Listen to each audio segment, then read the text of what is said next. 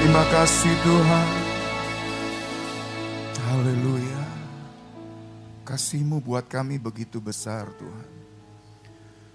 Cintamu yang kau buktikan di kayu salib buat kami terlalu ajaib Tuhan. Bila kami renungkan betapa engkau mengasihi kami, kami yang tidak layak, kami yang masih sering melakukan kesalahan, kami yang masih banyak kelemahan Tuhan. Tapi lepas dari itu semua engkau tetap mengasihi kami. Engkau memberikan kami kehidupan. Engkau menyertai kami. Engkau memegang tangan kami dan memberikan kemenangan. Kami mau belajar untuk hidup dalam kasih-Mu. Belajar untuk merenungkan betapa besarnya pengorbananmu buat kami. Dan itu membuat kami berani menjalani hidup ini Tuhan. Seberat apa pun tantangan yang harus kami hadapi. Badai yang harus kami lewati. Tapi kami percaya selama Tuhan menyertai kami. Kami tidak perlu takut, kami tidak perlu khawatir. Kami punya Tuhan yang luar biasa. Kami punya Bapa yang baik. Yang selalu mengasihi kami. Terima kasih Tuhan buat waktu kami boleh memuji dan menyembahmu. Kami percaya pujian dan penyembahan kami bagai dupa yang berbau harum dan menyenangkan hatimu. Dan kau bertahta di atas pujian kami, dan kau siap untuk memberkati kami dengan firman-Mu. Mari Tuhan berbicara secara pribadi bagi kami semua yang hadir pada kebaktian ini. Dan urapi hambamu Tuhan, roh kudus engkau berbicara melalui mulut lidah hambamu. Sampaikan isi hatimu, sampaikan kebenaranmu buat kami dan yang akan menjadikan kami prajurit-prajurit Tuhan yang perkasa menghadapi hidup ini dan kami akan melakukan perkara besar bersama dengan Tuhan. Terima kasih Bapa. Kami sambut kebenaran firman-Mu hanya di dalam nama Tuhan Yesus Kristus. Haleluya. Semua yang percaya katakan Amin. Amin. Beri tepuk tangan buat Tuhan. Silakan duduk sudah dikasih Tuhan. Selamat pagi. Shalom. Saya izin boleh. Terima kasih Saudara. Puji Tuhan, apa kabar saudara? Luar biasa, haleluya.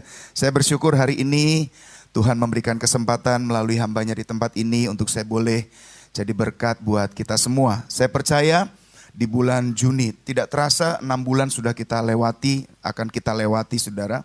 Dan saya percaya bahwa dalam kehidupan kita ada banyak hal yang Tuhan sudah lakukan. Dan yang harus kita sadari adalah bahwa kehidupan kita itu adalah satu peperangan rohani. Kita nggak bisa lepas dari itu. Visi dari jemaat di tempat ini adalah menjadi prajurit-prajurit yang memandang jauh ke depan. Dan saya setuju dengan visi ini bahwa kita adalah orang yang dipanggil Tuhan. Dan waktu kita berkata Tuhan kau adalah Tuhan dan Juru Selamat. Maka pada waktu itu iblis sudah menganggap kita lawannya. Iblis sudah menganggap kita musuhnya yang akan dia lakukan apa saja untuk menghancurkan kita. Nah saudara, dalam peperangan rohani ini, dalam Efesus 6 ayat yang ke-10 sampai 11 dikatakan begini. Akhirnya, hendaklah kamu kuat di dalam Tuhan. Di dalam kekuatan kuasanya, kenakanlah seluruh perlengkapan senjata Allah, supaya kamu dapat bertahan melawan tipu muslihat iblis. Kita lihat dulu ayat ini saudara. Dikatakan, hendaklah kamu kuat di dalam Tuhan. Saudara kita semua bisa kuat bukan karena kita hebat. Amin. Kita bisa ada sampai hari ini itu karena kekuatan Tuhan. Karena Tuhan yang ada dalam diri kita, karena Roh Kudus yang ada di dalam kita, itu yang membuat kita kuat. Kita kadang-kadang lemah. Tetapi Roh Kudus memberikan kita kekuatan baru. Kita bisa jatuh, tapi Roh Kudus mengangkat kita dan memberikan kita kekuatan baru. Saudara, di dalam Tuhan akan ada selalu kekuatan baru. Di dalam kekuatan kuasanya. Dan dikatakan bahwa kenakanlah seluruh, saya garis bawahi kata seluruh perlengkapan senjata Allah. Supaya, jadi ini ada sebab akibat. Kalau kita hanya mengenakan sebagian dari perlengkapan senjata Allah, kita nggak akan bisa bertahan. Jadi Perhatikan kata seluruh, berarti dari semua perlengkapan yang Tuhan sediakan. Semua harus dipakai. Gak bisa hanya pilih-pilih. Oh saya cuma mau punya iman saja. Nggak bisa. Saya cuma mau hidup dalam kebenaran. Nggak bisa. Nah, apa saja perlengkapan itu? Yang pertama dari atas, kita pakai ketopong keselamatan. Lalu kita menggunakan baju sirah keadilan. Lalu kita berikat pinggang kebenaran. Perisai iman. Lalu pedang roh. Tapi ada satu yang sering kita lupakan, berkasutkan kerelaan memberitakan Injil. Saudara, seluruh perlengkapan ini harus dipakai secara bersamaan dan terus menerus. Jadi kita nggak bisa memilih, saya mau cuma pakai hari ini saja di hari Minggu. Tidak, Minggu, Senin, Selasa, Rabu, sampai minggu berikutnya. Kita harus gunakan itu semua. Kalau saudara suka nonton film perang, maka kalau prajurit itu sedang bertempur, kalau dia mau istirahat, dia nggak boleh lepas perlengkapannya. Saya penggemar film perang, jadi saya suka belajar nilai-nilai dalam peperangan bahwa dalam pertempuran rohani ini iblis tidak pernah berhenti untuk menjatuhkan kita. Waktu Yesus dicobai saja, setelah dia gagal mencobai Yesus, maka dikatakan dia mundur dan mencari waktu yang terbaik. Saudara, kalau kita pikir iblis itu ada istirahatnya, maka kita sedang tertipu. Iblis tidak pernah beristirahat. Dan peperangan itu terjadi paling banyak dalam medan pikiran kita. Kalau kita sendiri tiba-tiba ada pikiran yang jahat, kalau kita sedang tidak tidak ada orang yang kenal kita, tiba-tiba ada sebuah pikiran yang kotor dalam pikiran kita. Itulah peperangan rohani kita dan itu setiap hari.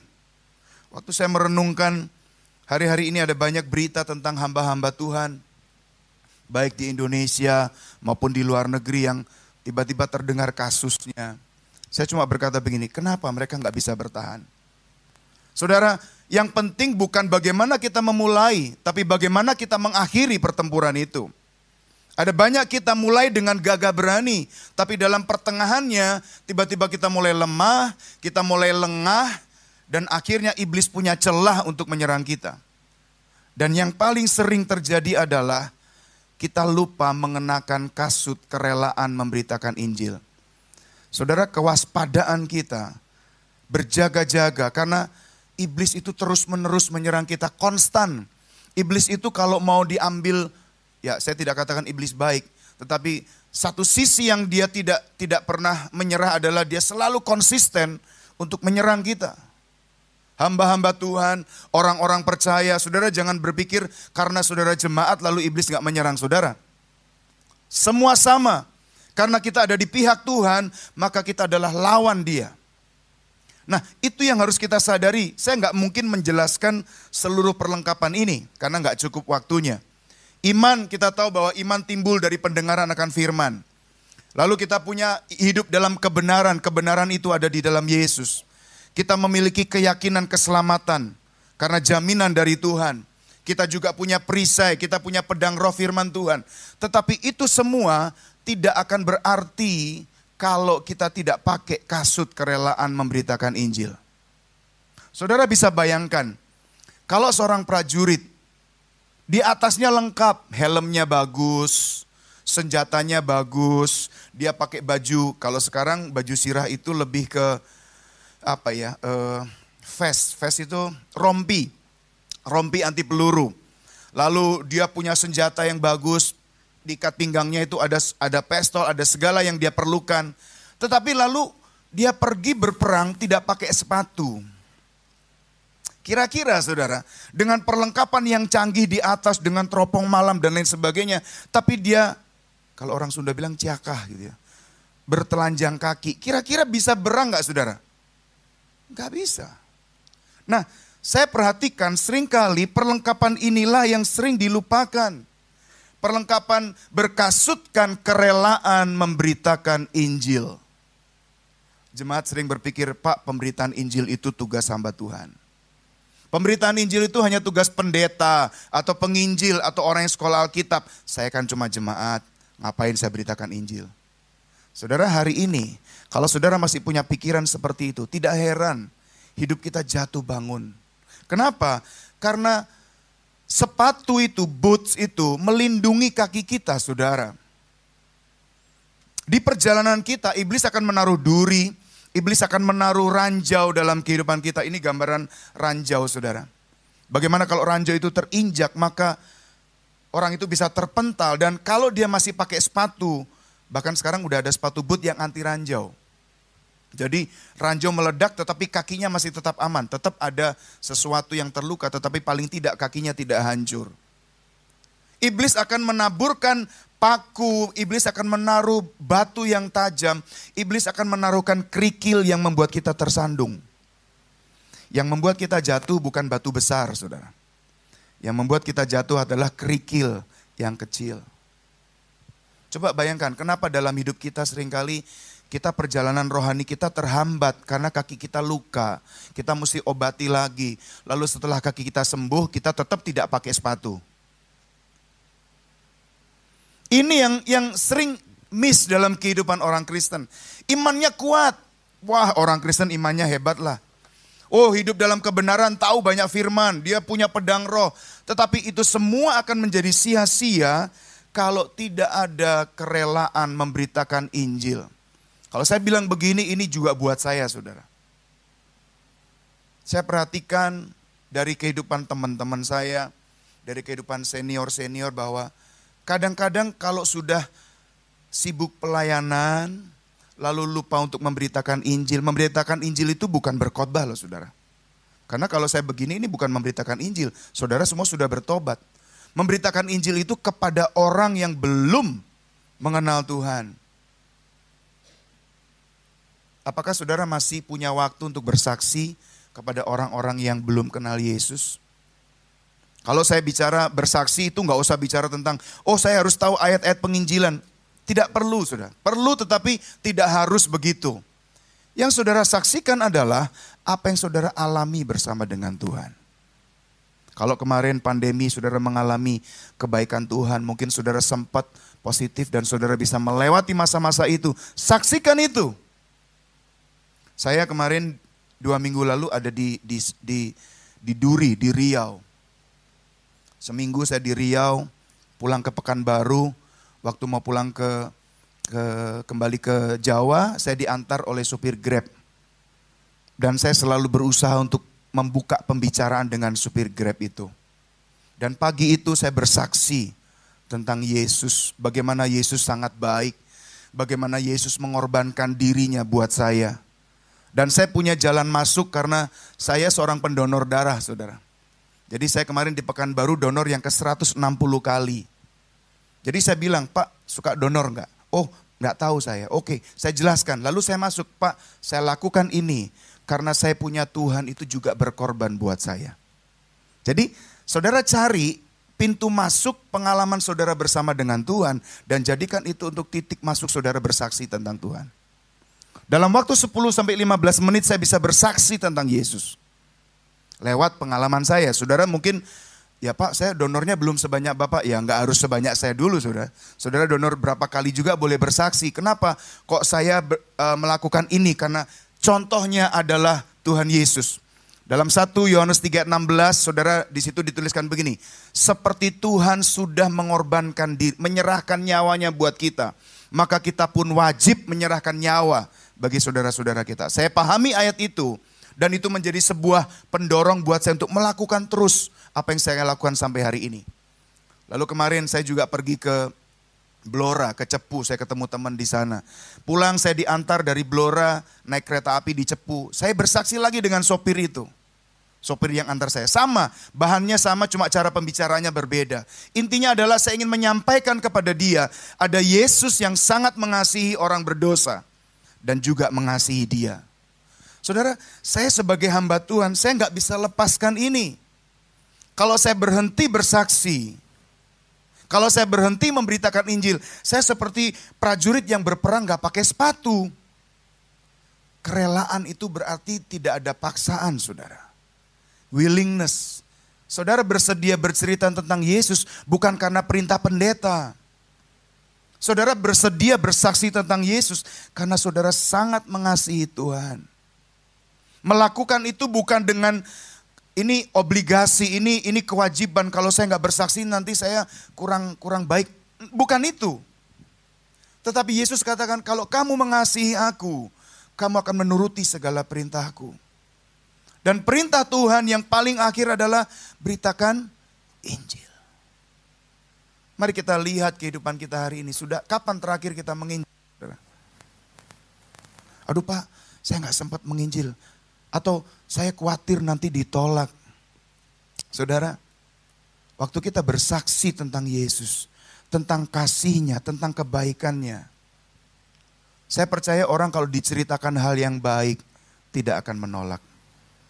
Hari-hari ini viral di TikTok gitu kan, anak-anak yang menyanyi lagu-lagu rohani gitu. Tuhan Yesus tidak berubah.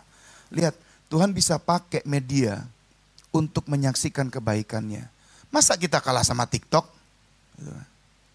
Saudara, saudara punya cerita bersama dengan Yesus. Saudara punya cerita kebaikan Tuhan. Jangan simpan itu sendiri.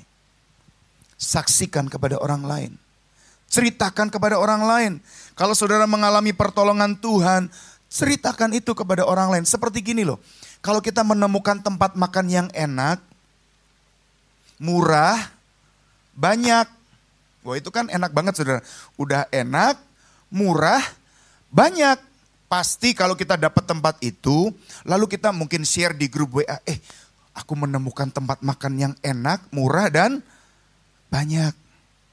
Itu kan kabar baik dalam sisi yang lain. Nah, pertolongan-pertolongan Tuhan dalam hidupmu itu jangan cuma dikoleksi, oh iya Tuhan baik, aku mengasihi Tuhan. Tapi Tuhan bilang kalau kamu mengasihi aku, kamu akan melakukan apa yang kuperintahkan. Saudara, apakah kita sudah melakukan perintah Tuhan? Apa perintah Tuhan? Kalau disingkat perintah Tuhan cuma dua. Kasih Tuhan Allahmu dengan segenap hatimu dan kasihilah sesamamu manusia seperti kamu mengasihi dirimu sendiri. Waktu saya bersaksi kepada sopir Grab, waktu saya bersaksi kepada sopir yang antar saya ke, ke stasiun Cepu. Itu karena saya mengasihi dia dan saya mau dia juga mengenal Tuhan. Mungkin pulang dari situ dia mulai berpikir apa yang saya katakan tentang Yesus dan dia mulai cari di di internet itu siapa Yesus. Lalu mungkin tanpa sadar masuklah itu video-video TikTok tentang lagu-lagu rohani dan dia mulai ada kerinduan benih saya tanamkan tapi Tuhan yang akan menumbuhkan.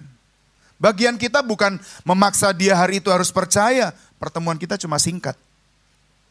Biarkan roh kudus yang akan bekerja. Yang penting tugas kita adalah menaburkan benih itu. Saudara Pet, Paulus dalam satu ayat di Korintus berkata begini. Karena jika aku tidak, karena jika aku memberitakan Injil, aku tidak punya alasan untuk memegahkan diri. Sebab itu adalah keharusan bagiku. Celakalah aku jika aku tidak memberitakan Injil. Pernah nggak saudara berpikir kenapa sampai Paulus berkata, celakalah aku jika aku tidak memberitakan Injil. Paulus itu dalam penjara di Filipi saudara. Diikat di rantai, dia masih bisa menyaksikan kebaikan Tuhan. Bahkan sejarah mencatat sebelum hari kematiannya oleh eksekusi di Roma, dia masih bisa bersaksi kepada orang yang menjaga dia. Tentang kebaikan-kebaikan Tuhan. Lihat, di situasi yang tidak menguntungkan sekalipun, Paulus masih menceritakan tentang Yesus. Jadi menginjil itu bukan cuma kalau kita baik-baik saja, saudara. Seperti kata Judika, bagaimana kalau aku tidak baik-baik saja? Apakah saudara masih bisa bersaksi tentang Tuhan waktu kita tidak baik-baik saja? Bisa. Kita bisa bersaksi bahwa sekalipun aku berjalan dalam lembah kekelaman, aku tidak takut bahaya sebab Tuhan besertaku. Saudara, baik tidak baik kehidupan kita, Yesus tetap baik. Amin. Jadi, waduh Pak, saya hidup saya belum belum sebaik yang yang yang orang kira. Jadi, saya mau bersaksi apa tentang Tuhan? Loh, saudara hidup hari ini saja karena kemurahan Tuhan kok. Betul? Saudara hidup hari ini, saudara melewati pandemi yang dua tahun begitu mengerikan dan kita masih hidup hari ini, itu semua kebaikan Tuhan. Amin. Jadi jangan bilang tidak punya bahan kesaksian saudara. Kita punya banyak kesaksian. Cuma mungkin kita merasa, aduh gak berani. Kita sering kali takut kan. Kita sering kali takut ditolak, kita takut orang marah. Padahal sejauh yang saya lakukan, kalau kita bicara dengan cara yang baik, orang tidak pernah menolak. Mungkin dia akan berkata begini, iya pak kita masing-masing punya iman, punya kepercayaan. Ya nggak apa-apa saya bilang, saya cuma ingin menyaksikan tentang kebaikan Tuhan yang saya sembah. Soal nanti dia mempertimbangkan itu bagaimana, itu tugas roh kudus. Bukan tugas saya. Tugas saya memberikan, memberitakan. Paling tidak seumur hidupnya orang harus pernah mendengar tentang Yesus. Nah saudara, tanpa kasut kerelaan memberitakan Injil, maka perlengkapan lainnya itu jadi sia-sia. Karena perlindungan bagi kaki itu sangat penting saudara. Coba tentara yang tadi saya bilang, tentara dengan senjata lengkap. Lalu dia masuk ke hutan, nggak pakai sepatu. Itu itu cari masalah saudara. Itu tinggal tunggu waktu ja, apa paku atau atau duri atau batu yang tajam melukai kakinya dan dia akan terhenti, dia rawat kakinya, lalu setelah sembuh nggak pakai sepatu lagi. Jadi kalau saudara nggak punya kerelaan, nggak punya kesediaan, maka iman saudara, maka kebenaran yang saudara tahu, maka keyakinan keselamatan itu, maka pedang roh yang saudara punya akan menjadi tidak berguna kalau tidak dilengkapi dengan kasut kerelaan ini. Jadi lihat saudara, itu sebabnya Paulus berkata, kenakanlah seluruh perlengkapan senjata Allah. Gak bisa pilih-pilih saudara. Ini panggilan buat kita semua. Bahwa kita semua harus memberitakan Injil. Kita semua harus memberitakan kabar baik.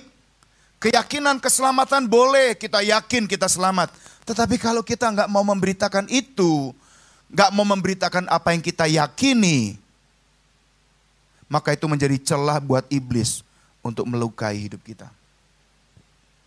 Jadi coba kita lihat kenapa selama ini kok perjalanan kita kayak terhambat, ada masalah kita kalah, ada sesuatu lalu kita jatuh. Karena kita nggak lengkap saudara. Kan Paulus tadi katakan, supaya kamu dapat bertahan. Sepatu ini alat pertahanan kita dari dari semua yang bisa melukai kaki kita. Nah, yang yang paling bawah kita nggak lindungi, mau di atasnya lengkap, mau di atasnya perlengkapannya mahal, percuma saudara. Sepatu mungkin kalau dibandingkan dengan senjata harganya nggak nggak terlalu mahal. Tetapi yang tidak mahal itu sering kali dilupakan. Yang tidak mahal ini sering kali orang Kristen katakan itu tugas pendeta. Itu sebabnya kehidupan kita jarang mengalami kemenangan-kemenangan karena iblis punya celah untuk melukai kita. Iblis, saudara rajin ke gereja, iblis nggak takut saudara.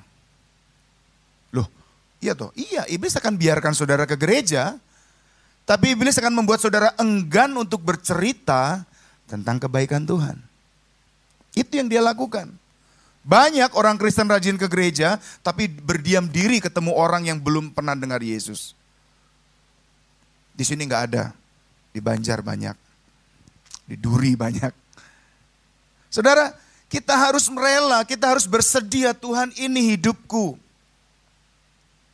Pakai hidupku Tuhan. Saya katakan Tuhan, saya nggak punya nggak punya hal yang banyak untuk saya berikan, tapi saya mau memberikan seluruh hidup saya buat Tuhan. Saya mau bersaksi buat Tuhan. Saya mau bercerita tentang Tuhan kepada siapa pun. Melayani Tuhan tanpa kerelaan memberitakan Injil. Kita sedang berperang, tapi kaki kita telanjang, saudara. Dan iblis tahu itu. Seberapa banyak di antara kita yang punya kerelaan ini. Kalau saudara mau berjalan teguh, berjalan dengan tegap, tetap maju apa pun yang terjadi, pakai kasut kerelaan memberitakan Injil, saudara. Ini bukan sebuah pilihan, Pak bisa nggak saya nggak pakai? Nggak bisa. Harus saudara pakai. Karena kalau enggak, kakimu pasti terluka. Mulai nangkep ya saudara, kenapa kita sudah punya, Pak saya tuh imannya kuat loh Pak. Saya tahu banyak ayat Alkitab, saya banyak hafal ayat Alkitab. Orang kalau hafal banyak Alkitab kan berarti imannya kuat gitu kan. Perisainya tebal saudara, jadi kuat menahan apa panah-panah si iblis itu. Tetapi kakinya terbuka. Di situlah celah. Iblis, wah dia sikat kaki kita saudara. Kalau saudara nonton film Troya, pernah nonton film Troya? Di mana ada seorang pahlawan namanya Achilles Achilles itu adalah otot yang di belakang kaki kita yang otot besar itu. Itu kalau itu putus saudara, itu orang bisa nggak bisa jalan. Saya punya teman suka bulu tangkis, waktu dia loncat, urat Achillesnya putus. Dan itu harus dioperasi. Dan itu lama. Nah Achilles ini, waktu dia berperang itu, dia dipanah tepat di kakinya. Di urat itu. Sehingga dia kalah. Berapa banyak orang Kristen seperti Achilles. Atasnya lengkap, tapi kakinya lemah. Dan titik lemah itu yang iblis akan selalu serang kita. Ingat, perlengkapan itu nggak bisa kita lepas. Jadi secara rohani saudara, kita ini terus menerus bertempur. Saya terus menerus menghadapi ujian, tantangan, godaan. Kalau saya nggak selengkap senjata Allah saya gunakan, saya akan menjadi lemah dan akan menjadi jatuh. Banyak saudara, kisah kejatuhan. Saya nggak perlu cerita lah. Saudara mungkin sudah tahu gereja besar. Sekian puluh tahun melayani Tuhan, tiba-tiba kasusnya terbongkar, skandalnya terbongkar. Kenapa? Karena mungkin dia sibuk melayani, tapi sudah lupa memberitakan Injil. Ini penting, saya sampaikan ini karena saya mau saudara semua kita hidup berkemenangan. Hari-hari ini kita akan menghadapi banyak tantangan saudara. Banyak ujian, banyak kesulitan. Tapi kalau kita mengenakan selengkap senjata Allah, Tuhan akan menolong kita. Dalam satu kisah satu ayat yang ke-8 dikatakan, kamu akan menerima kuasa. Kalau roh kudus turun ke atas kamu dan kamu akan menjadi saksiku di Yerusalem, Yudea, Samaria, sampai ke ujung bumi. Kita peringati hari Pentakosta, hari Tuhan mencurahkan roh kudus. Untuk apa roh kudus diberikan? Supaya kita menjadi berani untuk bersak, bersaksi. Bukan untuk gagah-gagahan, oh kita orang Pantai Costa, lalu kita, wah kita punya banyak karunia roh kudus. Bukan untuk itu roh kudus diberikan, itu itu iya betul tetapi tujuannya adalah roh kudus akan memberikan kita keberanian. Petrus yang pengecut, yang menyangkal Yesus tiga kali, waktu roh kudus dicurahkan dia menjadi sangat berani. Kalau saya berani ngobrol dengan orang yang saya baru kenal, saya tuh karena roh kudus yang menggerakkan hati saya saudara. Bukan, oh ya Pak Yohanes mah pinter ngomong. Bukan masalah pinter ngomong. Banyak orang pinter ngomong tapi ketemu orang asing langsung diam. Malu bicara. Saya adalah orang yang sangat agresif kalau bicara dengan orang yang baru saya kenal. Mau di kereta api, mau di pesawat, mau di mana pun saya selalu membuka pembicaraan. Dan saya selalu berusaha mencari titik di mana saya bisa menceritakan tentang Yesus. Karena saya sadar itu adalah perlindungan bagi kaki saya. Itu adalah perlengkapan yang mungkin sering dilupakan dibanding yang lain. Kalau dibahas iman, dibahas yang lain orang sudah banyak sudah. Tapi kalau kebenaran tentang kerelaan memberitakan ini. Sekali lagi kerelaan, nggak dipaksa. Saya sudah donor 160 kali itu nggak ada yang paksa saudara. Saya rela, saya suka, saya lakukan itu dengan senang hati. Dan itu membuat saya juga, Tuhan saya rela untuk memberitakan Injil. Dan saya percaya roh kudus akan memberikan keberanian. Roh kudus akan memberikan kekuatan. Di, di Markus ini saudara, tanda ajaib akan menyertai kita. Mengusir setan, menginjak ular dan kala jengking, menumpangkan tangan atas orang sakit. Tapi itu semua adalah untuk meneguhkan pemberitaan Injil. Kan di ayat yang ke-20 dikatakan lalu pergilah mereka memberitakan Injil ke segala penjuru dan Tuhan turut bekerja dan meneguhkan firman itu dengan tanda-tanda yang menyertainya. Jadi kalau saudara berkata, Tuhan aku ingin lihat mujizat dalam hidupku. Tuhan aku mau ngalamin mujizat. Tuhan bilang gini, oke okay, beritakan Injil dulu, aku akan lakukan mujizat. Ya kan? Janji Tuhan begitu saudara. Jadi Syaratnya untuk kita melihat mujizat dalam kehidupan kita adalah beritakan Injil. Siapa di sini mau lihat mujizat tahun 2022? Haleluya. Mau ngusir setan saudara? Amin. Aduh aminnya kok. Kalau ngusir setan. Mau menumpangkan tangan atas orang sakit dan orang sembuh? Amin. Beritakan Injil. Kalau orang yang saudara beritakan Injil sedang sakit, saudara tawarkan doa, dia pasti nggak akan menolak. Kalau orang yang saudara saudara hadapi sedang punya masalah begitu banyak dan saudara tawarkan doa, dia pasti tidak akan menolak. Jadi kuncinya adalah kabarkan dulu Injil, maka Tuhan akan meneguhkan. Lihat, mujizat itu peneguhan. Jangan dibalik. Mujizat dulu baru pemberitaan Injil, salah.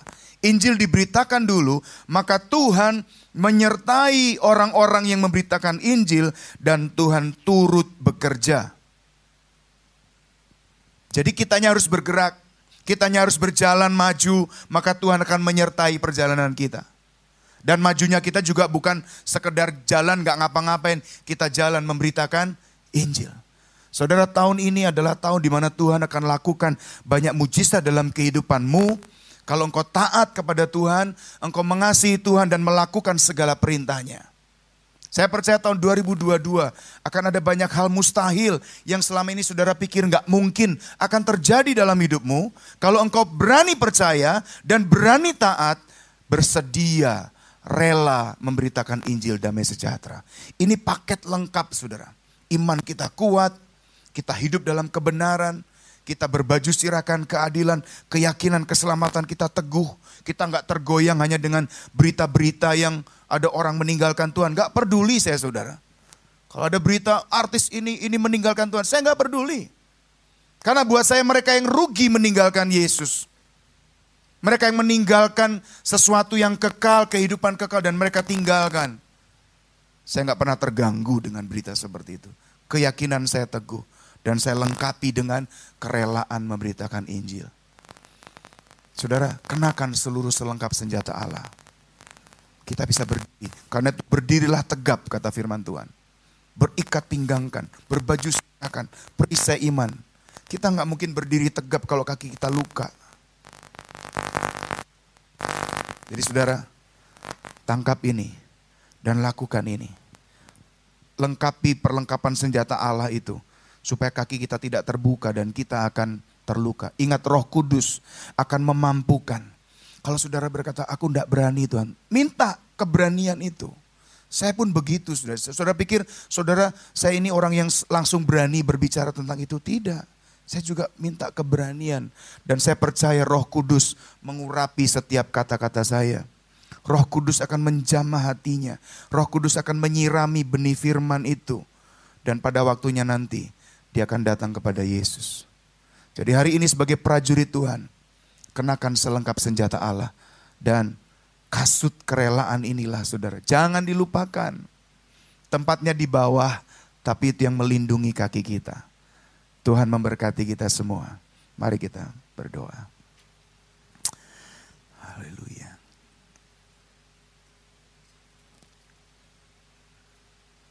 Haleluya. Mari kita renungkan firman Tuhan.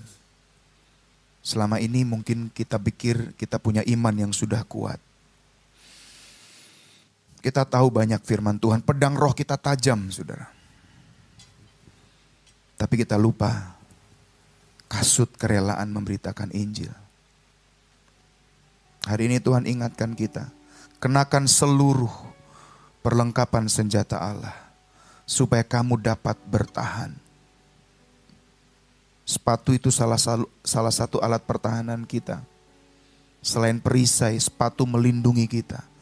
Perisai melindungi kita dari panah iblis, tapi sepatu melindungi kita dari ranjau, dari duri, dari batu tajam yang iblis taburkan dalam perjalanan kita. Minta kepada Tuhan, Tuhan ingatkan aku. Setiap hari kalau berjumpa dengan orang yang kita tahu dia belum mengenal Tuhan, mari Bersaksi dengan cara yang sederhana, tidak tidak perlu rumit bersaksi itu saudara. Kalau engkau merasakan bahwa Tuhan sangat baik dalam hidupmu, kalau engkau merasakan pertolongan-pertolongan Tuhan dalam hidupmu, itulah yang saudara ceritakan. Ada banyak orang putus asa di sekeliling kita. Ada banyak orang kehilangan pengharapan di sekitar kita. Itulah orang-orang yang perlu kabar baik. Berikan hatimu. Katakan Tuhan inilah hidupku Tuhan. Pakai hidup kami Tuhan untuk menjadi alatmu. Memberitakan kabar baikmu. Terima kasih Tuhan.